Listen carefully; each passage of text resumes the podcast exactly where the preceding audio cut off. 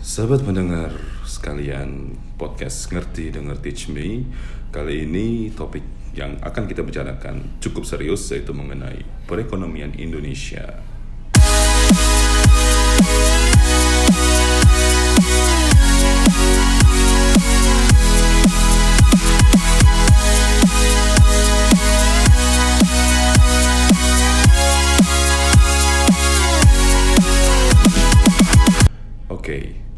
kenapa cukup serius? Karena bintang tamu kali ini sangat serius. Mereka adalah tim kajian analisa ekonomi Bursa Efek Indonesia atau KEBI. Yeay!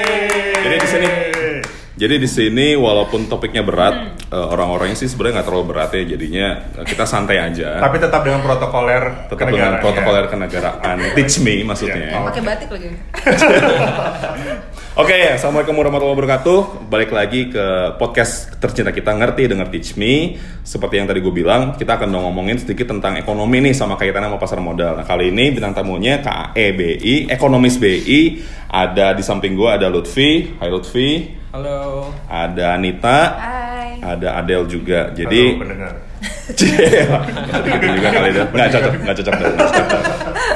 jadi em, sebenarnya banyak sih udah banyak banget pertanyaan yang baik gua sendiri maupun mungkin orang-orang ngomel lu, lu, lu pasti uh, bisa bisa iniin bisa bisa eh udah udah pengalaman lah uh, menjawab pertanyaan-pertanyaan terkait itu. Cuma sebelum kita ngomong lebih jauh lagi kira-kira lu bisa share nggak sih? Maksudnya kenapa sih kalau misalnya kita sebagai investor atau sebagai insan pasar modal itu harus tahu ekonomi? Emang kaitannya itu gimana sih? Del coba Del gimana Del nomor Ya, eh, biasanya kan kalau misalnya kita mau invest, ah, bukan biasanya, maksudnya kalau kalau lo mau invest kan lo harus tahu eh, produk yang mau lo invest itu apa. Gitu.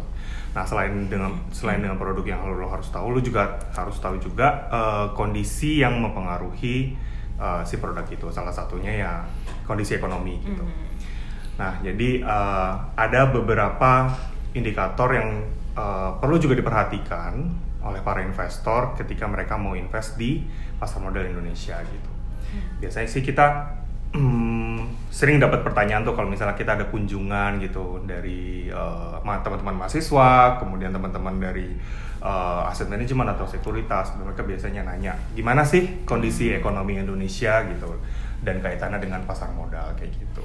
Biasanya yang dilihat tuh apa Del banyak eh, beberapa indikator ekonomi makro yang eh, teman-teman juga udah biasa dengar ya kayak inflasi, terus suku bunga, terus eh, apa namanya Exchange eh, rate. exchange rate rupiah Pertumbuhan ya, ekonomi. pertumbuhan ekonomi Iya. gitu, terus eh, ekspor impor kayak gitu. Jadi yang benar-benar indikator ekonomi makro ya yang biasa kita pelajarin di itulah di kuliah-kuliah Iya, gitu. lebih ke top down gitu analisisnya. Hmm. Jadi ngelihat eh, hubungan dari eh, indikator makro dulu, ini gimana nih hubungannya sama nanti produk yang mau kita investasikan. Iya. Gitu. top down analysis ya. Yes, Jadinya yes. eh, sebelum sebelum kita masuk ke keputusan investasi, ya either dia pakai top down atau bottom up terserah Ya. mereka. Cuma biasanya kalau misalnya isu-isu ekonomi lebih ke top down ya. Iya, top Nit, down. lo Yes. boleh ada ini nggak ada sedikit eh, atau contoh kasus di mana top down analysis atau misalnya eh, real case suatu Hmm. suatu saham yang bisa dikaitin sama kondisi ekonomi kita sekarang. Sebenarnya banyak banget, cuman eh, belakangan ini tuh kan kita lagi sering mantengin soal rupiah ya mas, rupiah terhadap dolar gitu. Nah gimana dolar itu sangat menguat dibandingkan dengan mata uang negara lainnya, termasuk Indonesia, termasuk rupiah. Nah hal itu mau nggak mau sangat-sangat mempengaruhi kinerja perusahaan mas. Jadi kayak misalnya kan perusahaan itu banyak yang impor nih bahan bakunya dari luar negeri, di mana bayar itu pakai dolar. Nah Hmm. ketika dolar semakin mahal, maka mereka kan semakin besar Kewajiban kan, untuk- Heeh, bayar bahan bakunya semakin besar. Nah mau nggak mau itu akan eh, menjadi beba- beban yang lebih dari- eh, lebih nambah daripada eh, daripada yang lalu daripada sebelum dolar menguat. Nah hal itu misalnya bisa diperhatikan oleh teman-teman analis gitu. Kayak misalnya contoh eh, harga dun- harga minyak dunia tuh lagi naik gitu. Ya ya. Itu berarti pasti berdam- berdampaknya ke misalnya saham kalau minyak tuh apa ya Medco gitu. Medcoin. Itu berarti biasanya sektor eh, perusahaan-perusahaan yang sektornya bergerak di eh, sektor energi kayak Ya. nggak nggak dan nggak harus Selain itu langsung. juga yang transportasi juga sangat-sangat terpengaruh. Iya. Jadi Iya, misalnya iya. Nah, nah, saya, saya, saya ini minyak, terus tiba-tiba ke transportasi nih. Gimana? Ini, ini menarik nih, ini menarik. Nah, Uh, jadi misalnya gini, transportasi, misalnya kayak ada perusahaan penerbangan lah ya misalnya. Nah, mereka itu kan salah satu komponen biaya terbesarnya itu adalah fuel cost gitu ya, biaya dari bahan bakar. Nah, jadi kalau misalnya bahan bakarnya itu harganya naik, biasanya mereka costnya juga akan naik dan itu biasanya akan mempengaruhi juga pada akhirnya adalah tingkat keuntungan mereka Pendapatan. gitu tingkat pendapatan mereka. Makanya itu sebenarnya kita juga kalau misalnya kita invest di sektor-sektor tertentu kita juga harus tahu kira-kira indikator apa sih yang related dengan itu yang mempengaruhi seperti itu Jadi ekonomi atau berita-berita ekonomi yang kita lihat di di website di koran itu sebenarnya sangat penting ya buat Yes. buat kayak Yeah. investor Yes. gitu ya. Yeah, Jadi nggak nggak bisa di skip gitu ya. Iya. Kalau misalnya ada research report ya ya lu baca gitu. Kalau Hmm. apalagi kalau misalnya uh, lu adalah investor uh, yang pakai fundamental analysis, pakai Yeah. bottom up analysis ya itu eh sorry ya bottom up ya top down sih sebenarnya lebih lebih cocok ya itu udah udah menjadi salah satu yang wajib dilakukan sebelum sebelum uh, memutuskan untuk memilih satu saham. Iya. Iya, Nah. karena emang nggak bisa kan nanya kalau ke bursa lo nanya "Eh, kira-kira saham, Saham apa ya? apa Bang?" yang Waduh, bagus? Emang nggak bisa? Emang nggak bisa? Nggak boleh kita nggak boleh merekomendasikan boleh. tapi kita bisa menjelaskan kondisi yang terjadi saat ini nah silakan teman-teman menganalisisnya kita kasih kode keras doang gitu. Biasanya kalau ada pertanyaan kayak gitu kita lempar, "Eh, mungkin bisa tanya ke anal apa analis dari Sekuritas, sekuritasnya sekuritas. gitu. Soalnya kita nggak bisa ngasih. Alright. harus netral ya kita Harus ya. netral. Wah, walaupun dalam dalam arti tahu sih, gue Iya. tahu nih, apaan nih. Nah terus ngomong ngomongin soal ekonomi nih, ini kayaknya kan lagi hot banget nih ya. Lo kayaknya semua semua netizen tuh mendadak jadi analis ekonomis gitu. Kalau kalau ngomongin misalnya pemilu atau politik. Nah, biar yang sering gue denger itu terkait ekonomi itu pasti nggak jauh dari dari kondisi Indonesia secara keseluruhan. Iya. Ada yang bilang Indonesia tuh bagus banget, ada yang bilang biasa aja, dan ada yang bilang Indonesia lagi krisis. Nah, gue mau mau tahu dong sebenarnya tuh kalau misalnya based on data-data yang lo milikin, based on facts yang lo milikin, kira-kira tuh kondisi Indonesia tuh seperti apa sih kalau dari sisi ekonominya? Apakah benar lagi krisis? Apa kita akan punah? Apa kita akan menjadi dua? Hati-hati, hati-hati. Eh, sebenarnya sih Nih, kalau ya- misalnya nih kok dari- lihat lihat lihat nih. Lihat nih, hasil siapa nih siapa? Orangnya banyak soalnya. Kalau- Kita tadi gas sweet dulu. Kalau kalau lo lihat semuanya langsung langsung Untung ada kamera. lagi menunggu juru kuncinya cuy kata kuncinya tapi untung ada kamera ya jadi Iya, iya, kelihatan. iya.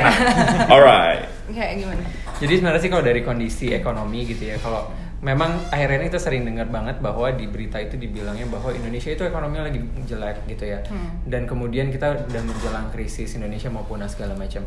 Nah sebenarnya kalau kita lihat dari indikator ekonomi, sebenarnya kita kondisinya masih bagus. Misalnya eh, dari pertumbuhan ekonomi kita masih bagus, masih 5,2 persen terakhir di kuartal sekitar Tiga. kuartal berapa? tiga ya kemarin ya masih 5,2 persen nanti itu kita bisa lihat sebenarnya bahwa itu juga kita masih uh, lebih tinggi daripada tahun lalu dan juga kita masih lebih bagus dibandingkan dengan negara-negara emerging market dan negara peers lainnya di dunia gitu. Nah, selain dari pertumbuhan ekonomi, kita bisa lihat juga dari sisi inflasi gitu ya. Inflasi kita masih sangat terkendali di 3,23 persen pas November kemarin. Nah, kita juga eh, kalau dari inflasi kan sebenarnya kita lihatnya dari sisi range ya, bahwa pemerintah itu punya target tiga setengah persen. Nah, tiga setengah persen Pemerintah itu melalui Bank Indonesia. Ah, ya. dengan melalui Bank Indonesia mereka tiga setengah persen itu plus minus satu persen jadi kalau misalnya masih di range itu sebenarnya itu masih sangat bagus gitu ya terus kemudian yang paling penting juga adalah sebenarnya dari sisi cadangan devisa kita ya Iya, Hmm. betul. kita cadangan devisa kita dibandingkan dengan tahun 2008 misalnya kita sudah dua kali lipatnya gitu jadi kalau misalnya ada gejolak di perekonomian global gitu yang kira-kiranya akan mempengaruhi Indonesia biasanya kita akan menjadi lebih siap gitu sih Karena ini amunas, amunisinya Amunisi bank sentral gitu. Jadi Ah. cadangan devisa ini juga penting. Kenapa? Karena cadangan devisa ini untuk eh, apa namanya? Untuk sebagai alat untuk membayar utang eh, negara, kemudian sama stabilitas rupiah. gitu. Dia tuh cadangan devisa tuh gimana sih jelasnya ada yang ya kan ada yang ngomong cadangan devisa kita udah semakin nipis nih, ada yang wah TK itu pahlawan devisa. Devisa itu apa sih sebenarnya? Devisa itu adalah eh, yang dihasilkan oleh eh, jadi misalnya gini cadangan devisa kenapa bisa dia mengintervensi rupiah? Jadi kalau misalnya rupiah itu menguat istilahnya kan berarti suplainya menipis kan? Nah cadangan devisa yang kita pegang itu dalam eh, USD nah dalam USD USD meng- eh, USD menguat berarti suplai USD kan menipis. Nah dengan cadangan devisa ini kita bisa menyuntikkan USD itu ke pasar istilahnya. Jadi dia suplainya meningkat dan akhirnya kita juga lebih kuat rupiahnya seperti itu Oh, jadi lebih kayak amunisi ya. lebih ke ke amunisi Lebih kayak ya. untuk stabilisasi nilai untuk tukar. stabilisasi Terus kan katanya kan krisis dan uh, Indonesia tuh darurat utang gitu. Uh, Katanya. Iya, iya, iya. Nah, sebenarnya- ini menarik nih. Iya. ini. Darurat utang lagi nih. Nih, kayaknya uh, cukup cukup terkaitan satu sama lain nih dari uh, apa namanya USD tadi, nilai tukar rupiah terhadap dolar, kemudian cadangan devisa, sama sekarang yang utang nih. Gimana nih kalau utang nih? Kalau utang sih gini, eh, per kuartal 3 2018 tahun ini em, utang pemerintah terhadap GDP itu sekitar 30%. Mungkin itu ada yang bilang, "Iya, itu eh, nilainya hampir sama dengan 2008 lalu pada saat krisis." Nah, sebenarnya kita harus melihat dulu utang itu digunakan untuk apa gitu, Mas. Eh, apakah untuk sektor-sektor produktif kayak misalnya infrastruktur dan itu yang terjadi saat ini. Nah, kemudian eh, karena em, misalnya USD sedang eh, menguat saat ini, jadi barang-barang impor yang kita gunakan untuk sektor-sektor infrastruktur, konstruksi dan segala macam itu jadi meningkat seperti itu. Jadi mungkin eh, utang pada saat ini juga eh, meningkat, cuman masih dalam level yang terjaga sebenarnya, Masih aman. masih aman gitu. Eh, kita kan dan sebenarnya juga kalau utang kita sebenarnya kalau kita lihat memang meningkat tapi kalau misalnya kita bandingkan dengan negara-negara Negara lain, gitu iya, ya betul. bahkan negara-negara tetangga ya Iya. itu kita masih tergolong cukup rendah sebenarnya jadi kita masih sangat posisi yang sangat aman dari segi Oh, jadi walaupun Iya. meningkat, kita masih masih relatif lebih rendah even uh, ke- compare to negara-negara tetangga ya. Iya. dan peruntukannya untuk sektor produktif. itu sih Itu kuncinya itu Nggak- kuncinya, maksudnya nggak perlu uh, khawatir lah dengan uh, utang ini selama utang itu dipergunakan untuk yang produktif Iya. seperti itu kayak gitu. Tapi balik lagi sih kalau misalnya kita ngomong produktif ini kan cukup cukup apa namanya relatif ya kita ngomong produktif. Produktif orang sering kaitin sama eh, banyaknya pembangunan infrastruktur di mana-mana jalan tol. Iya. Tapi kan banyak juga dampak-dampak negatifnya yang kita nggak bisa nggak bisa abaikan gitu aja macet lah, kemudian Iya. ada kecelakaan. Belum lagi sebenarnya banyak yang bilang daripada lo buat bangun tol, mendingan buat buat makan kan kita nggak makan aspal nggak makan apa. Nah kalau dari dari KE penangannya gimana sih? Ya logikanya gini sih, eh, Indonesia itu negara kepulauan yang em, pembangunannya itu seharusnya merata gitu. Selama ini mungkin kalau teman-teman juga tahu eh, pembangunan mungkin lebih banyak dilakukan di Pulau Jawa. Nah pemerintah saat ini eh, apa ya tengah mencoba untuk mengupayakan pembangunan itu merata di semua uh, Wilayah. pulauan di Indonesia. Makanya t- uh, pemerintah itu mencoba membangun infrastruktur. Memang sih infrastruktur itu kan dari infrastruktur itu adalah proyek yang jangka panjang tidak bisa kita langsung rasakan dalam uh, jangka pendek. Makanya ya ya sabar-sabar aja lah ngerasain macetnya gitu ya. Karena nanti untuk jangka panjangnya itu kan teman-teman akan diuntungkan seperti itu. Masalah mau nggak makan aspal, nggak nggak makan ini gitu ya eh, cara berpikirnya harus di eh, ini sih diubah. Jadi ngelihatnya eh, justru dengan adanya infrastruktur seperti misalnya salah satunya jalan tol itu akan membantu dari segi logistik. Hmm. Logistik itu adalah eh, apa namanya pengan- pe- Angkutan barang ya. angkutan barangnya itu gitu iya, kan. Manusia. lebih murah. Nah, itu kan teman-teman yang makan bahan pokok itu kan diantar dengan eh, logistik itu. Mereka lewat mana? Lewat jalan tol. Mereka lewat mana? Lewat udara juga bisa, lewat eh, lewat kapal kapal laut laut. juga bisa gitu. Makanya jadi pemerintah eh, kenapa eh, menggenjot sekali infrastruktur ini gitu. Mulai dari jalan tol, pelabuhan dan airport. Seperti itu maksudnya. Ya dampaknya itu memang baru terasa jangka panjang gitu baru baru nanti kerasanya baru nanti gitu loh jadi ya nggak apa-apa lah kita berkorban dulu karena memang seharusnya ini sudah dilakukan dari dulu dulu gitu loh Hmm. Ya. kenapa sekarang jadi efeknya seolah-olah tuh kayak eh, apa ya eh, ngehit banget tuh kayak kok macetnya gila-gilaan ya gitu Iya. ya karena semuanya itu dilaku pemerintah itu eh, dilakukan semua proyek itu dilakukan bersamaan gitu dengan harapan kelarnya bareng-bareng jadi manfaatnya tuh yang dirasakan juga langsung akan berlipat gitu Oke. Tapi dampak ini dampak terukurnya juga lumayan loh. Jadi Hmm. kemarin itu kan ada namanya Global Food Security Index atau indeks ketahanan pangan negara-negara. Dan Indonesia itu tahun 2017 naik banget peringkatnya gitu signifikan lah Hmm. lumayan dari 69 ke 65. Nah, salah satunya gara-gara u- eh, apa infrastruktur untuk makanan itu eh, maksudnya untuk jalur distribusi makanan itu udah membaik seperti itu. Hmm. Ketenam- ketahanan pangan itu eh, definisinya apa sih nih? Jadi dia tuh mengukur uh, ketahanan pangan suatu negara dengan memperhatikan beberapa uh, indikator. Yang Uh-huh. pertama keterjangkauan, kedua ketersediaan, kualitas dan keamanan makanan tersebut.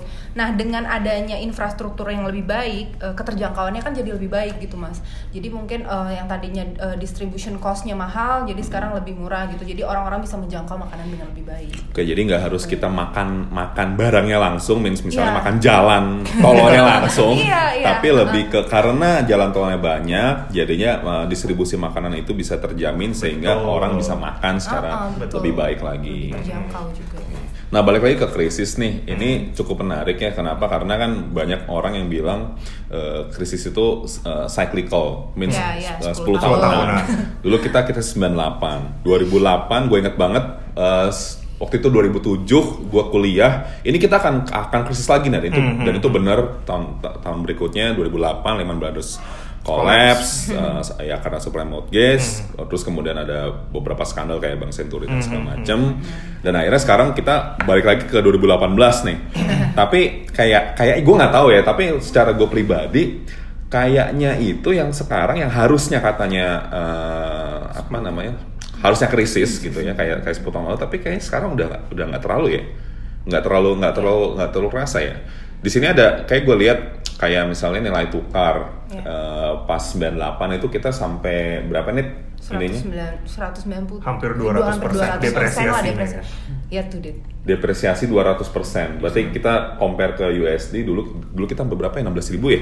Oh ya, dari dari ribuan. 2500 ya. 2500, 16 Gue inget banget tuh yang krisis 98, gue dipanggil uh, bokap nyokap gue masih kecil kan ya ke SD deh kayaknya. Dipanggil, Adel sini gitu. Ah, Ada musik kan? kena- Teng, kenapa bu pak gitu? Eh, eh, nanti untuk eh, ya ibu bapak mau ngomong aja nanti untuk ke depannya kita kayaknya makannya agak dikurangin ya porsinya gue kan anak kecil mana ngerti ya kayak oh iya makan dikurangin ya udah gitu maksudnya Ah. sejauh yang anak kecil bisa tangkap ya udah gitu Iya. Hmm. dan dan eh, pada saat itu ya emang makannya tuh ya seadanya gitu maksudnya kayak eh, dan apa ya kelihatan lah gitu cuman namanya anak kecil nggak ngerasa cuman pas di kondisi sekarang gitu jadi oh itu maksud omongan bokap nyokap gue Wah. Tapi lo kayaknya sekarang gua gue bilang makanan kurangin malah emosi deh. Karena lagi nggak krisis mas. Karena lagi nggak krisis, ya. lagi krisis. Iya gitu jadi eh, kenapa ada yang bilang juga kri- apa siklus krisis itu 10 tahun kan di 98 2008 sama 2018 kenapa dibilang 2018 ya cuman kalau kita lihat eh, di tahun ini itu eh, apa ya lebih kepada tekanan eksternalnya sih Ya. kita melihat tekan- tekanan eksternalnya itu sangat kuat. Kenapa kenapa kita bilang tekanan eks- eksternal hubungannya ke Indonesia apa gitu? Karena eh, negara Indonesia ini seperti negara-negara lainnya juga berhubungan dengan negara lain. Yang ada hubungan eh, yang perdagangan atau hubungan kerjasama lainnya gitu. Jadi kalau ada negara luar kenapa-napa itu juga pasti akan berdampak ke negara kita negara Indonesia dan itu juga ju- nggak cuma Indonesia gitu. Nah terus yang bedain apa sih kalau kayak kan tadi lo, lo bilang eh, kita memang tergantung sama negara lain karena kita ada hubungan dagang lah atau hubungan apa ya sehingga menyebabkan ke- mereka sakit kita juga sakit gitu. Kalau yang 98 kan jelas tuh ya em, mereka sakit kita juga sakit gitu. 2008 mereka sakit seingat gua kita lumayan sakit. Hmm. ISG waktu itu masih eh, turun ya turun, Turun lumayan, setengah lumayan. 50 Dalam 50 persen lah. 80 nyampe. Lima, Lep- ah, iya, lima, lima puluhan sih. Terus eh, tapi dari sisi dulu kan krisis moneter jelas banget nih kayak Hmm. rupiah. Tapi pas 2008 kayaknya nggak banget ya. Maksudnya nggak nggak terlalu nggak terlalu nggak terlalu nggak apa- kayak 98 ya Ah. itunya. Apalagi yang sekarang nih, ini kan seka- yang tahun ini kan kita lumayan terdepresiasi. Cuma Hmm. eh, dampaknya juga nggak terlalu nggak terlalu eh, serah, nggak terlalu kerasa kayak 10 tahun dan ap- apalagi 20 tahun yang lalu. Hmm. Bedanya apa sih? Domestik sih, kekuatan ekonomi domestik sekarang udah eh, jauh lah. Karena pemerintah belajar ya Iya, dari, pemerintah ke- dari kesalahan masa lalu gitu. Jadi udah banyak kebijakan-kebijakan, aturan-aturan yang dibuat untuk eh, financial stability gitu Hmm. di Indonesia. Kayak misalnya kan BI, OJK eh, bersama Kemenku juga punya yang namanya financial, KSSK. ya KSSK gitu. KSSK itu apa? Komite Komite Stabilitas Sistem Sistem Keuangan. Oke. Itu yang sempat ramai juga pas waktu apa Bank Bank Senturi ya. Ya, ya. mm-mm. Dan mereka rapatnya bulanan ya? Iya, Iya. rapatnya bulanan. Jadi mereka sangat-sangat mengadres isu apa nih yang saat ini Yes. sedang terjadi, kemudian cepat direspon gitu dengan Iya. insa- eh, dengan berbagai eh, Kebijakan. kebijakan-kebijakan Hmm. instrumen moneter dan fiskal. Contohnya kayak apa kebijakannya? Contohnya kayak kemarin kebijakan B20 ya. Mm-mm. B20 kan kemarin eh, current account deficit kita tergerus kan Mhm. karena neraca dagang Karena kita kita. Karena impor kita banyak. Iya, lalu rupiah kita eh, terdepresiasi sedemikian rupa sampai kemarin lumayan heboh nih di Yes. Twitter di mana. Tapi giliran udah balik lagi, Iya. diem. oh ya satu ini soal depresiasi rupiah orang-orang tuh sering kayak iya eh, level rupiah kita sama dengan pas krisis segala Ah. macam gitu. Nah kita harus lihat year to date-nya date, sebenarnya. gitu. Memang eh, secara level mungkin hampir sama, tapi kalau dibandingkan perubahannya terhadap misalnya awal tahun sebelum ini terjadi, itu kan sebenarnya misalnya nih tahun ini baru 5% gitu sebenarnya depresiasi rupiahnya. Sementara pas 2008 itu 30-an persen kayak gitu. Jadi eh, harus dilihat perubahannya Year bukan to date, levelnya itu bukan sendiri. gitu. angkanya gitu. Eh Iya. bukan nilai nominalnya Tadi gitu. Soalnya kan memang yang Oh ya tahun ini- B20. nah, karena untuk menjaga supaya Indonesia ini tet- karena account defisitnya tidak semakin melebar, maka dikeluarkanlah kebijakan B20 yaitu mencampur bahan bakar minyak dengan 20% eh, Minyak apa sawit. minyak sawit CPO. gitu. Dengan eh, tujuan supaya CPO kan kita negara Karena penghasil CPO. penghasil. Heeh. Nah, Kita jadi penghasil, supaya produsen. ya pasar CPO kita tetap kuat dan juga kita mengurangi impor BBM Mm-mm, yang jadi fosil dicampur seperti itu. gitu. Impor Gitu. BBM. Ah, ah, Iya. BBM lagi nih. Ini, ini, ini, issue ya, ini juga isu lagi nih. Kalau sekarang ya? sekarang tuh masih ini nggak sih? Masih ada nggak sih subsidi BBM gitu? Masih, tapi lebih ke sifatnya fix subsidi ya kalau dari pemerintah. Kalau setahu gue kalau premium tuh udah enggak, cuma tinggal solar sih. Tinggal solar doang. seribu ya kalau nggak salah fix subsidi. Jadi eh, mau harganya berubah berapa ya pemerintah tetap nanggungnya seribu. Kalau dulu kan di cap tuh, Ah. pokoknya eh, berapa Harganya sekian. harganya Dan sekian. itu nggak akan berubah. Nggak akan Hmm, ya. gitu loh, kayak Mahal gitu. jaganya itu ya, Bo. Iya. Sebenarnya ini juga sih eh, kita mau sampaikan juga kenapa eh, orang-orang ram- rame banget nge- ngeributin impor. Sekarang gini. eh, dengan penduduk Indonesia yang sebanyak 250 juta, eh, pemerintah berupaya untuk memenuhi semua kebutuhan masyarakatnya. Namun sampai saat ini eh, kemampuan pemerintah untuk memenuhi kebutuhannya dari dalam negeri itu masih terbatas. Makanya pemerintah itu uh, membutuhkan uh, apa namanya bantuan dalam uh, dalam hal ini istilahnya itu impor gitu dari negara lain. Tujuannya itu ya sebenarnya untuk memenuhi kebutuhan teman-teman semua juga gitu, biar uh, kebutuhan uh, teman-teman itu tetap terpenuhi gitu. Uh, Nggak perlu dikhawatirkan juga sih masalah impor ini gitu, karena pemerintah ya tadi bersama dengan Kementerian Keuangan, Bank Iya. Indonesia dan OJK, mereka setiap bulan secara rutin akan terus memantau perkembangan uh, ekonomi kita gitu. Mereka tidak akan diam kalau ada sesuatu yang uh, kira-kira akan uh, berdampak negatif besar ke negara kita seperti itu. Dan dengan eh, apa pun yang terjadi saat ini kita masih tumbuh di atas 5%. Iya, itu. pertumbuhan yang lumayan impresif ya Mm, mm, mm. dengan guncangan global saat Mm. ini. Yang biasanya berapa sih negara-negara itu berapa sih? Kalau kita kan 5%. Mm. Iya, paling misalnya negara-negara yang eh, krisis eh, exchange rate nih. Heeh. Misalnya Um, Turki gitu Turki. ya. Turki itu 1,56 Iya. persen gitu saat 1, ini.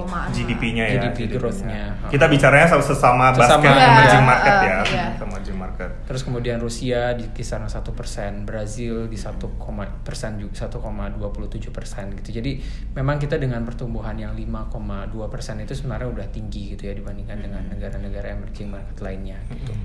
Oke, nah eh, ngomongin ngomongin soal negara lain, ini gue jadi tertarik. Kan kita kan pasti ada ada inilainya kait kaitannya sama kondisi atau perekonomian dari negara lain. Contohnya misalnya US. Nah, gue sebenarnya cukup penasaran ketika eh, waktu itu Donald Trump terpilih. Wih. Emang dampaknya kayak gimana sih sama Indonesia? Segitu ngefeknya kah? Kalau misalnya ngefek, buruk, apa baik, apa biasa-biasa aja? Kita sampai pernah gambarin grafik soal Ah. eh, keter- keterkaitan antara tweet Trump dan IHSG. Ah, eh, dampak eh keterkaitan Setiap Keterkaitan dari ya. Tweet Trump Trump nge-tweet itu, Heeh. dia seberapa besar korelasinya kepada uh, IHSG. Nah, ini- ini- lumayan. ini ini yang lagi ngambil skripsi ini ini tolong ya di dipertimbangkan. Jadi salah satu ide analisa dam analisa eh, pengaruh dari Twitter Donald Trump terhadap perekonomian Indonesia. Terus gimana? Iya ada dampaknya tuh ada dan lumayan signifikan. Jadi kalau misalnya dia nge-tweet apa malam sebelumnya gitu ya, kan itu berarti siangnya di mereka, malamnya di kita kan. Nah besokannya ketika pembukaan perdagangan itu kayak langsung jatuh gitu kan. Em, kenapa? Oh ternyata Trump bikin kayak gini, kebijakannya tuh mau eh, agak sedikit ekstrim gitu misalnya mengenai tarif dagang dan sebagainya. Itu sangat-sangat mempengaruhi mas. Nggak cuma kita sih, negara-negara emerging market juga yang ini juga. Terus kalau misalnya tiba-tiba dia dia lihat tweetnya, balik lagi. Masalahnya ada plus minusnya. Eh, minusnya kita jadi nggak bisa tahu nih kenapa.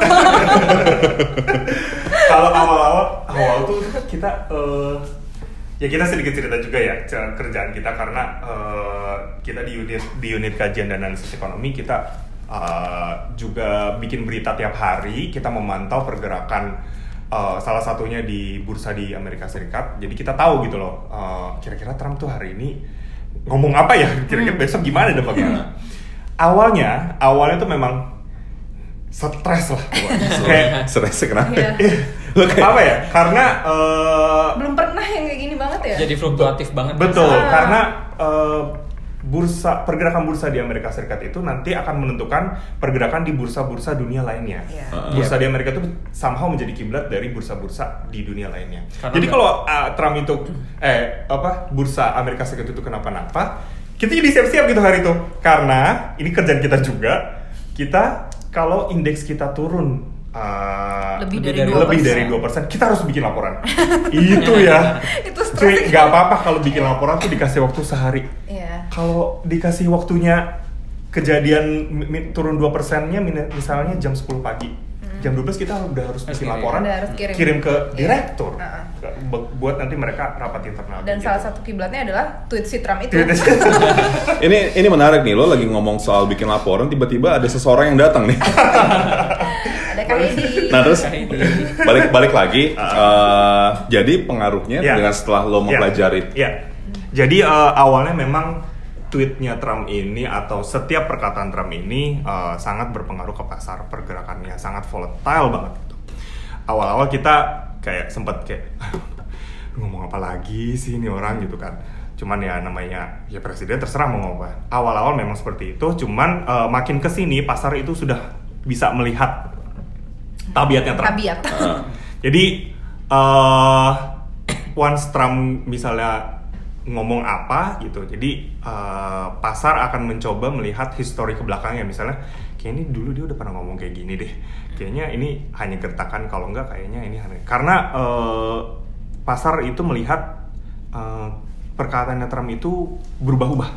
Kita itu nggak pernah tahu, sama sekali nggak pernah tahu. Jadi eh, hal yang bisa dilakukan pasar adalah benar-benar eh, wait and see gitu loh setiap eh, dari perkataannya Trump. Jadi dan itu juga ngaruh ke kita juga gitu karena em, apa namanya sentimen-sentimen yang ada di sana itu turut berpengaruh kita gitu. Sebenarnya kenapa sentimen global itu mempengaruhi kita banget?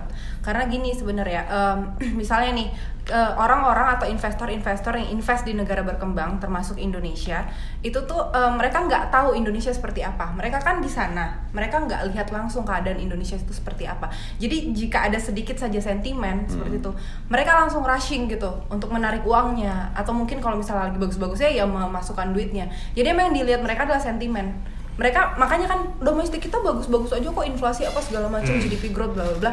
Oke bagus. Tapi mereka juga melihat sentimen global sentimen pasar. Karena mereka nggak tahu Indonesia sebenarnya. Mereka nggak hidup di sini mereka itu kan Hmm. investor asing dan sebenarnya itu ada plusnya. Berarti kan Indonesia dipercaya oleh dunia global kan untuk diinvestasikan ke situ. Cuman ya memang eh, di sisi lain itu akan eh, apa ya jadi sedikit aja ada sentimen akan terjadi eh, terpengaruh in- di Indonesia seperti itu. Dan kenapa apa ke setiap perkembangan di Amerika Serikat itu juga ada dampaknya kita? Karena uh, saat ini kebijakannya Trump uh, yang kita uh, seperti kita tahu juga cenderung menguntungkan uh, warganya gitu. Jadi maksudnya sesuai dengan slogannya waktu dia pas kampanye ya America Make First Make America atau Great Make. America Great Again. Jadi benar-benar setiap kebijakan yang dia ambil itu untuk uh, kepentingan negaranya sendiri gitu. Jadi uh, kalau ada apa-apa makanya jadi investor uh, global itu yang investor-investor besar itu mereka biasanya akan uh, menarik dananya itu kembali ke ke Amerika. Amerika seperti itu. Ke Nah, safe haven. Safe haven. Safe haven. Hmm. Nah tadi kan kita ngomongin uh, investor-investor yang, yang sebenarnya nggak terlalu kenal sama Indonesia. Dari- Iya. Dari tadi ngomongin Make America Great Again. Nah sekarang gue cukup tarik untuk mau ngomong Make Indonesia Great Again nih. Oh. Lutfi, tadi kita udah cukup ngomongin pemilu da, pemilu di US ya, Iya, uh, Donald iya, Trump. iya, iya. Nah sekarang kan udah masuk political year nih. Oh. Orang-orang udah tadi yang kayak, yang kayak gue bilang mendadak jadi ekonom lah, ada banyak banyak tweet war, banyak debat-debat di TV ngomongin ekonomi. Sebenarnya kalau dari dari sisi pasar sendiri ngelihat eh, apa namanya reaksi dari persiapan pemilu ini tuh kayak kayak gimana sih? Eh, sebenarnya sih kalau dari pasar sendiri responnya sih biasanya mereka nggak terlalu lebay ya terhadap pemilu gitu ya. Biasanya malah sebenarnya kalau kita lihat dari data historical gitu ya ketika pemilu sebenarnya bursa juga sebenarnya nggak turun gitu ya IHSG itu nggak turun. Tapi biasanya malah kadang-kadang setelah itu biasanya malah naik. Tapi yang terpenting sebenarnya dari para investor itu adalah sebenarnya eh, tingkat kestabilan dari eh, kondisi di domestik gitu ya. Gimana ekonominya terus gimana politiknya itu juga mudah-mudahan nggak sampai yang begitu terlalu apa namanya terlalu parah gitu ya apa namanya terlalu sengit dan sampai bikin apa namanya ketidakstabilan sosial gitu Hmm. jadi sebenarnya kalau misalnya kondisi kita misalnya masih stabil-stabil aja sih sebenarnya biasanya sih investor masih oke sih gitu ya Siapa pun yang menang. siapa pun yang menang Oke.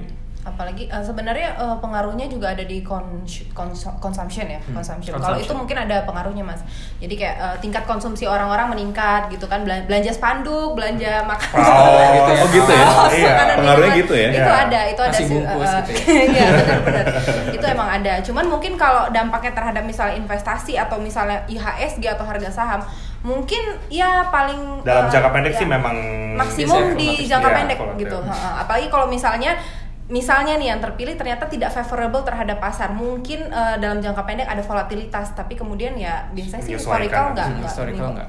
nggak terlalu gimana Nah, oke. Berarti eh, sebenarnya ya siapa pun yang menang ya pas pasar juga udah siap ya. Maksudnya Iya. karena Iya. karena eh, tadi banyak-banyak hal yang sebenarnya di luar Iya. pasar dan kita juga nggak nggak terlalu nggak terlalu mikirin dari sisi politikal aja tapi dari sisi eh, yang lain kayak Yes. misalnya keuangan, eh, ekonomi dan dan yang lain hal. Nah tadi gue sempet ke, sempet kepikiran Hmm. eh, karena pemilu, gue ingat salah satu kebijakan yang cukup terkenal beberapa tahun terakhir ini kan tax amnesty tuh Hmm. ya Eh, dari Kemenq, kemudian dari Dirjen Pajak sampai even sampai bursa sendiri itu sangat menggalakkan banget yang namanya tax amnesty. Boleh share nggak sih itu tax amnesty itu apa dan kenapa kita harus eh, memanfaatkan tax amnesty dan dan dan lain-lain? Apa apa sih hubungannya itu sama pasar modal Indonesia gitu dampaknya? Ya, jadi eh, tax amnesty, kebijakan tax amnesty itu oleh pemerintah dimaksudkan untuk eh, memulangkan dana-dana orang Indonesia yang ada di luar dengan eh, dengan cara eh, gue kasih lo diskonan deh kalau lo mulangin dana lo di luar ke Indonesia gitu. Hmm. Nah, jadi eh, eh, kebi- eh, maksud kebijakan itu eh, adalah seperti itu gitu. Jadi dengan harapan duit orang Indonesia yang ada di luar pulang ke Indonesia, nanti duitnya bisa dipakai untuk ngebangun Indonesia gitu. Jadi eh, sumber de, sumber apa namanya? Sumbernya sumber kayak ini ya pemerintah, sumber pendanaan pemerintah itu bertambah, kantong pendanaan pemerintah bertambah. Nah, lalu gimana kalau kita lihat eh, dampak dari tax amnesty ini di pasar modal gitu, di pasar modal kita. Nah, kalau kita lihat berdasarkan data yang di-provide oleh KSEI, eh, dampak positif yang bisa kita lihat dari eh, kepemilikan saham. Jadi kalau eh, teman-teman tahu ya kepemilikan saham di Indonesia ini ada eh, kita bagi dua berdasarkan domestik sama asing Asing. gitu. Biasanya sebelum-sebelumnya ini kepemilikan saham kita itu selalu didominasi oleh asing. Eh, sekitar 60 sampai 65% itu asing, sisanya domestik.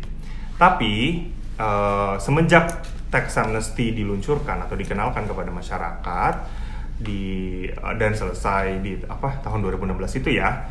Jadi kita lihat di 2016 Uh, jumlah kepemilikan saham oleh domestik ini meningkat signifikan Kalau sebelumnya di tahun 2015 kepemilikan saham domestik itu sekitar 36%. Di tahun 2016 setelah uh, apa namanya kebijakan tax amnesty ini kepemilikan saham oleh domestik ini meningkat menjadi 45%. Uh, lumayan nih. Iya, Keren ini jadi banget. uh, benar-benar signifikan gitu kalau kalau kita lihat.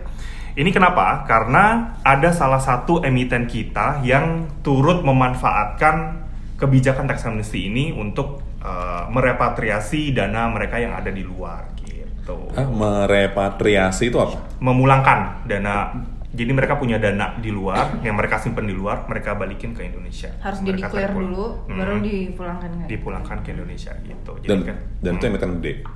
ya, ya lihat aja ini angkanya sampai lumayan signifikan gitu. Jadi dampak signifikan uh, Ke pasar modal pertumbuhan ya. komposisi investor lokal itu dipengaruhi pal- uh, paling dipengaruhi oleh tax amnesty, Tax amnesty. dan uh, lebih spesifik lagi dipengaruhi oleh tadi repatriasi dari uh, emiten yang gede itu. emiten HA gitu dan eh, dan apa ya namanya tren kepemilikan saham sekarang ini juga dome- antara domestik dan asing sudah saling apa ya bisa mengimbangi lah ya. Ah, ah, hampir apa 50-50 Hampir gitu 50-50. 50 persen yang 50 persen Yes. gitu jadi makasih juga nih teman-teman yang eh, mungkin di sini yang dengerin juga yang salah satu investor domestik Domestik. kita terima kasih sudah mempercayakan eh, pasar modal Indonesia dan peran teman-teman eh, ini sangat-sangat eh, penting kok di pasar modal Indonesia kayak gitu. Nah, tapi sebenarnya ya, eh gue masih masih belum nangkep Hmm. kenapa. ini pertanyaan pertanyaan simpel sih, pertanyaan bodoh sih menurut gue. Tapi gue, eh, lo bisa jelasin nggak sih kenapa sih kita sebenarnya itu harus bayar pajak? Gitu? Itu udah capek-capek kerja keras sebagai kuda, tiba-tiba pemerintah da- datang nagih pajak ke kita sampai ngancem lo kalau misalnya nggak- bayar ya lo lo kena sanksi. Emang kenapa kita sebagai masyarakat tuh harus bayar pajak itu kenapa? Ya, eh, karena kan negara ini perlu dibangun ya. Bangun ini, bangun infrastruktur, bangun pelabuhan, bangun jalan tol itu memerlukan uang. Eh, otomatis dari kalau kita eh, kalau pemerintah ada pengeluaran, berarti untuk mendanainya harus ada eh, penerimaan. Nah penerimaan ini salah satunya dalam bentuk pajak itu gitu loh.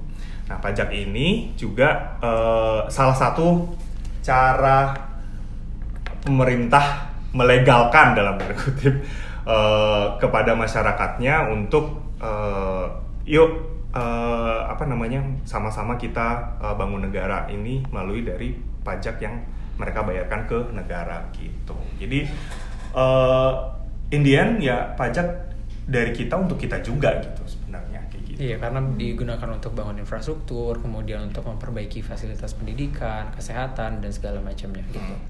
Dan juga untuk redis- redistribusi pendapatan. Hmm. Jadi misalnya eh, untuk orang eh, misalnya yang berpeng- berpendapatan tinggi gitu ya, dia kan otomatis pajaknya juga tinggi gitu. Hmm. Nah hal itu bisa dipakai misalnya untuk eh, mensejahterakan misalnya orang-orang yang, Yang berpendapatan lebih Hmm. rendah gitu. Nah sebenarnya sih secara filosofis mungkin ya apa pun yang kita kerjakan, yang kita konsumsi saat ini juga kan merupakan dalam tanda kutip hasil dari servis gitu loh yang diberikan oleh negara gitu misalnya menyediakan infrastruktur yang seperti Adel bilang gitu jadi ya everything that we produce itu ya kita juga harus eh, alokasikan gitu untuk eh, hal ini servis pemerintah yang telah diberikan gitu. Jadi daripada kita banyakin utang dari luar negeri, mending kita bayar pajak sendiri dulu Nah, ya. iya, Ya, betul. jadi Berarti taatlah hub- hubungannya gitu nggak sih? taat Iya, betul. taat pajak lah Iya, tuh yang betul. tiap kita ngisi form yang Maret itu ya Hmm. ya kalau ada apa gitu dikasih tahu gitu Jadi jangan cuma protes kalau pemerintah itu utangnya naik terus naik terus, tapi kita ternyata juga harus nggak bayar bayar pajak gitu. iya Kalau obligasi kita bisa nggak sih manfaatin obligasi kayak ori gitu? Oh iya sebenarnya itu bisa banget gitu ya. Sebenarnya pemerintah juga akhir-akhir ini terus mencoba untuk mendapatkan pendanaan dari domestik gitu ya, nggak melulu dari asing gitu ya. Makanya pemerintah beberapa kali mengeluarkan namanya obligasi retail Indonesia gitu ya. Itu yang sebenarnya teman-teman bisa beli biasanya dijual melalui agen-agen bank. Nah, dengan membeli itu sebenarnya apa gitu ya dari pemerintah mungkin ya itu pemerintah bisa mendapatkan uang gitu ya jadi teman-teman di sini bisa ngebantu pemerintah sebenarnya untuk membangun negara ini gitu. Ya. Itu apa? O, ori, ob- apa, obligasi retail, Retail Indonesia. Indonesia. Itu dia obligasi negara retail Indonesia ya obligasi negara retail Indonesia. Nah itu belinya gimana tuh biasanya? bisa di bank bisa di yang kerjasama dengan pemerintah kayak misalnya beberapa uh, sekuritas ya beberapa kayak misalnya di Bahana kayak gitu-gitu bisa nggak sih Kalau obligasi sih ke bank sih. bank. Bank juga bisa. Gitu. terus um, ya pokoknya yang kerjasama dengan pemerintah ada beberapa bank Jadi simply teman-teman kalau misalnya mau uh, beli ori itu atau obligasi negara uh, obligasi negara itu uh, teman-teman cukup datang ke bank uh, yang sudah uh, menjalin kerjasama itu biasanya uh, pengumumannya juga ada di websitenya DJPPR ya di lelangnya kapan berapa nominalnya di berita juga banyak sih googling aja gitu Dan biasanya di brosur-brosurnya si Iya, produk obligasinya itu Hmm. juga biasanya Hmm. disebutin sebenarnya apa Mitra siap- distribusi. mana aja sih yang menjadi mitra distribusi dari Yes. obligasi itu. Mm-mm, gitu jadi sesimpel cukup datang ke bank aja dan bilang mau beli ori ini dong gitu Hmm. Ya jadi sebenarnya banyak banget ya instrumen yang bisa kita pakai Iya. uh, untuk membangun negara Negara, kita, negara kita sendiri. Bisa Betul. dari saham, ya kalau misalnya nggak cukup sama saham ya bisa obligasi ya bisa bayar pajak itu itu aja udah cukup cukup membantu. membantu pemerintah dan untuk membangun negara Nah kalau ngomongin tadi kan saham obligasi itu kan lebih ke pasar modal ya. Hmm. Nah sebenarnya eh, kontribusi pasar modal terhadap perekon- perekonomian itu segede apa sih compare ke yang lain? Ya, sebagai gambaran market cap di pasar saham aja saat ini sekitar 50 sampai 60% dari PDB kita. GDP. Heeh. Jadi sudah sangat besar sebenarnya. 50 sampai 60% dari 60% GDP. Dari GDP kita. Iya. Oke. Terus em, tapi sayangnya masih masih dikit ya kita investor ya. investor, Iya, investor kita masih eh, dikit banget. masih kurang dari 800. satu persen eh, dari populasi cuman kalau kita lihat eh, trennya itu terus meningkat gitu jadi memang potensinya itu masih ada eh, Dan tahun ini aja mereka kita udah tumbuh sekitar 20-an persen untuk 20%. jumlah investornya gitu. year to date tahun ini aja gitu Oke. Jadi bisa juga dari sisi misalnya emiten-emiten yang atau perusahaan tercatat di bursa itu kan juga bayar pajak seperti itu. Itu juga salah satu dari Oh, emiten bayar bayar pajak. Oh iya lah ya. juga. Bayar pajak Masih bayar juga. pajak juga. Hmm. Itu salah satu kontribusinya. Jadi ya selain dari apa individu, dari Hmm. institusi, Ya. termasuk dari emiten dari perusahaan tercatat juga juga pasti akan ada dampak real dari ininya ya dari dari uh, pasar modal. Jadi kalau ada yang ngomong, oh ini pasar modal ini nggak nggak ngasih ban, nggak ngasih dampak real bagi perekonomian itu salah besar karena uh, mereka bayar pajak, pajak itu bisa dibangun, eh bisa digunakan untuk bangun infrastruktur, terus Ya. kemudian menyediakan uh, apa namanya supply makanan dan sebagainya. Dan mungkin di luar pajak juga kita perlu mungkin perlu aware juga gitu ya ketika misalnya kita berinvestasi di pasar modal gitu ya. Nah, uangnya itu akan mengalir ke perusahaan-perusahaan dan itu akan digunakan untuk mengembangkan bisnis mereka gitu ya. Nah, dengan mengembangkan bisnis tadi, maka apa yang terjadi adalah bahwa eh, lapangan pekerjaan itu akan semakin banyak gitu ya karena ter- terutama eh, perusahaan itu ya tentunya ketika mereka mengembangkan eh, bisnisnya Bisnis. mereka membutuhkan orang gitu ya Ya. untuk kerja dengan Hmm. mereka gitu. Jadi itu mungkin salah satu dampak lainnya gitu ya selain dari pajak. Mantap luar biasa. Oke, jadi banyak banyak banget ya eh, ilmu yang kita dapat hari ini ngomongin ekonomi Iya. karena kalau misalnya kita ngomong saham, ngomongin pasar modal tentunya nggak lepas dari kondisi ekonomi itu secara makro sendiri gitu. Kita nggak bisa lihat eh, satu persatu tanpa eh, mempedulikan atau tanpa memperhatikan faktor-faktor atau em, indikator-indikator makroekonomi. Jadi em, kalau dari gue pribadi sih, terutama pasti teman-teman ya sebagai yang kerjanya tiap hari bikin data bla bla bla bla, tolong dibaca, tolong di- diperhatikan karena bukan apa-apa it- itu itu akan itu menjadi salah satu senjata bagi teman-teman, either teman-teman investor, teman-teman analis untuk untuk eh, mengambil salah satu kebijakan investasi sehingga investasi yang dihasilkan investasi yang tepat sasaran dan akhirnya dapat eh, mensejahterakan Indonesia lewat ya tadi saham, eh, obligasi, pajak dan lain sebagainya. Jadi kita kalau misalnya ada yang ngomong Indonesia krisis ya bisa lihat datanya seperti apa. Ini berarti tadi kesimpulannya krisis apa enggak sih? Enggak ya? Enggak. Enggak. Enggak lah ya. Jauh lah jauh. Masih jauh lah ya. Masih Jauh, jauh, jauh. Tapi memang ada beberapa hal-hal yang memang perlu diperhatikan kayak misalnya kenaikan suku bunga seperti itu. Hmm. Trennya kan lagi seperti itu sekarang. Terus misalnya trade wars, isu global, isu global. war. Itu memang ya mau nggak mau ada lah pengaruhnya terhadap perekonomian Indonesia. Tapi ya nggak inilah selama kita stand strong bisa lah. Kalau prospek ke depannya gimana sih? Ada ya compare tadi Ya. si Nita ngomong trade wars terus kalau pemilu kan tadi ya kurang Ya, lebih nggak ya, ada ya. ininya lah ya, maksudnya nggak terlalu. Tapi kayak trade wars ini masih masih Trump masih sangar-sangar banget. Iya, iya. Ke trade wars ini sampai sampai detik ini Amerika dan China karena big players mereka ya Amerika dan China eh, masih belum menemukan eh, kata kesepakatan bagaimana mereka akan eh, apa namanya menyelesaikan, menyelesaikan semua. se- isu perang dagang A. Iya. hari ini sepakat untuk gencatan senjata gitu Se- sementara ini sih masih, masih gencatan senjata ya Masih, Masih masih, masih. Uh, mereka masih diskusi untuk uh, tercapainya kesepakatan sampai 90 hari ke depan. deadline itu Maret deh nggak salah. Maret, Maret iya, 2019 gitu. Jadi pasar masih wait and see kira-kira apa yang akan uh, diambil oleh Hmm. kedua negara dengan ekonomi terbesar tersebut. Jadi uh, ya kita juga uh, turut mengamati gitu dan tren kenaikan suku bunga dan uh, kebijakan dari uh, bank sentral di dunia itu juga sudah mulai uh, apa tightening. Mm-mm. Jadi udah mulai apa ya namanya akan menaikkan turut Suku. menaikkan suku bunganya Iya. juga gitu. Jadi uh, hubungannya apa? Kenaikan suku bunga ini salah satu uh, faktor untuk melihat bahwa oh kondisi ekonomi di negara tersebut sudah mulai membaik gitu. Makanya uh, direspon oleh kenaikan suku bunga yang uh, positif uh, naik gitu. Tapi walaupun negara-negara lain masih wait and see, ya kita sebagai investor lokal ya harus buy and hold ya. Karena, karena apa pun yang terjadi, eh, tadi teman-teman dari KAE, dari ekonomis bursa itu udah udah ngomong bahwa sebenarnya secara fundamental, secara data-data yang ada, kondisi perekonomian kita masih sehat banget sehingga ya bagi teman-teman yang belum invest ya buruan invest karena ya ini adalah eh, momen yang paling bagus. Mm, mm, mm, Wa- Ya walaupun nanti kita akan masih masih tergantung sama kondisi eh, luar negeri seperti apa. Yes. Dan tren IHSG juga selama 10 tahun itu positif. Positif Ya, banget ya. positif. Eh, Uh, makanya ada- tadi balik lagi buy iya. and hold itu Ah. tadi ya. Uh, memang ada penurunan di beberapa periode tertentu, tapi kemudian reboundnya lebih cepat. Jadi peningkatannya itu lebih daripada penurunan tersebut. Jadi dia trennya masih positif. Dan Jadi yang- kalau tahun ini misalnya misalnya misalnya negatif ya berarti ya bisa Iya. di pro di forecast lah tahun depan tuh kan gimana gitu. biasa sih langsung rebound ya. Iya, biasanya soalnya- Dan rebound. mungkin yang perlu teman-teman mungkin ada yang belum tahu juga bahwa memang uh, pertumbuhan pasar modal kita hampir di setiap tahunnya itu Double double, double digit. gitu. Jadi Double digit growth. uh, dan kita merupakan salah satu indeks dengan pertumbuhan tertinggi dalam 10 tahun terakhir dibanding negara-negara lainnya di dunia gitu. Gitu. Jadi kalau misalnya asing aja percaya untuk investasi di Ya. Indonesia gitu, kenapa sayang banget gitu kalau uh, para investor domestik itu ternyata masih belum tahu dan belum ikut menikmati pasar modal kita. Itu dia Luar biasa. biasa. Kalau bukan teman-teman siapa lagi? Siapa? Kalau bukan sekarang kapan, Kapan lagi? lagi? kita jadi kayak politikus gitu. tagline baru nih kayaknya.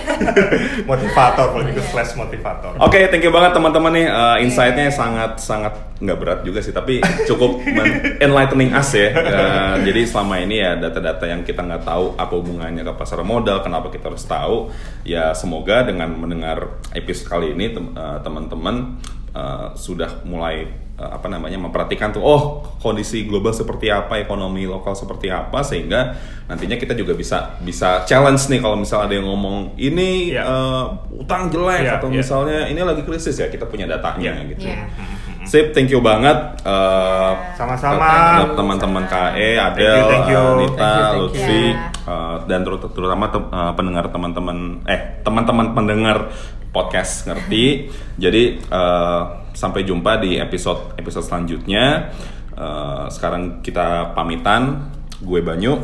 Lutfi Anita. Adel Sampai ketemu lagi karena kita mendengar dan teach me mengerti. Salam.